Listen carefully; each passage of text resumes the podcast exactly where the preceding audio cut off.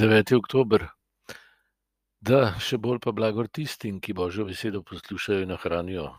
Tako pravi Jezus o Mariji, ko ga neka žena blagruje, eh, pred, oziroma blagruje njegovo mamo, njene prsi, da ga je dojila, pa telesu, da ga je nosilo. No, Jezus takoj pokaže na globlo resnico, na tisto, kar nas resnično ozdravi vseh demonov. Uh, zaupati v sebi, njegovi besedi, božji besedi, potem smo vedno mati in očetje.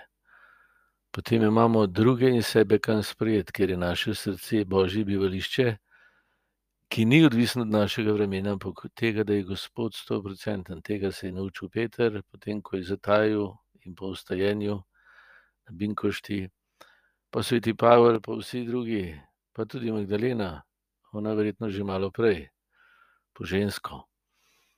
E, to je tisto, kar v resnici vzdravi moje srce, e, da ne more več pasti v nobeno krizo, strašno krizo, ker je vedno na varnem. Zakaj?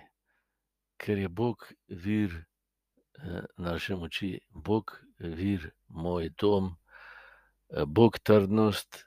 To, kar je v Kristusu pokazal in naredil, je tisto, kar mi daje veselje in je resnično, ga nihče ne more ogroziti, eh, ker njegovo naše skrivno življenje z njim nikdar ne pade, on je zvest. Njega ne more nihče ogroziti od zunaj, se še ni rodil, pa se tudi nič več ne bo.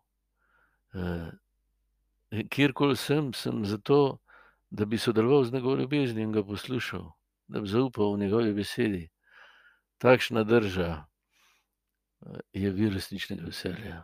Ne glede na to, kakšne žrtve in odpovedi Bog lahko v narekovajih zahteva od nas.